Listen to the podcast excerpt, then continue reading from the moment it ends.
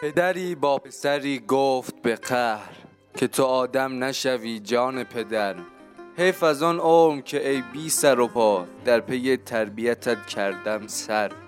دل فرزند از این حرف شکست بیخبر از پدرش کرد سفر. رنج بسیار کشید و پس از آن زندگی گشت به کامش چو شکر.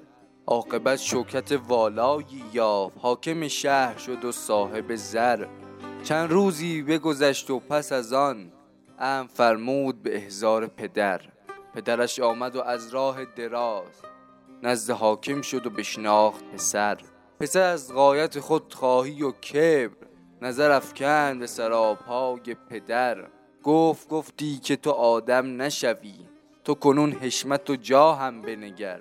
پیر خندید و سرش داد تکان. گفت این نکته برون شد از در. من نگفتم که تو حاکم نشوی گفتم آدم نشوی جان پدر. گفتم آدم نشوی جان پدر.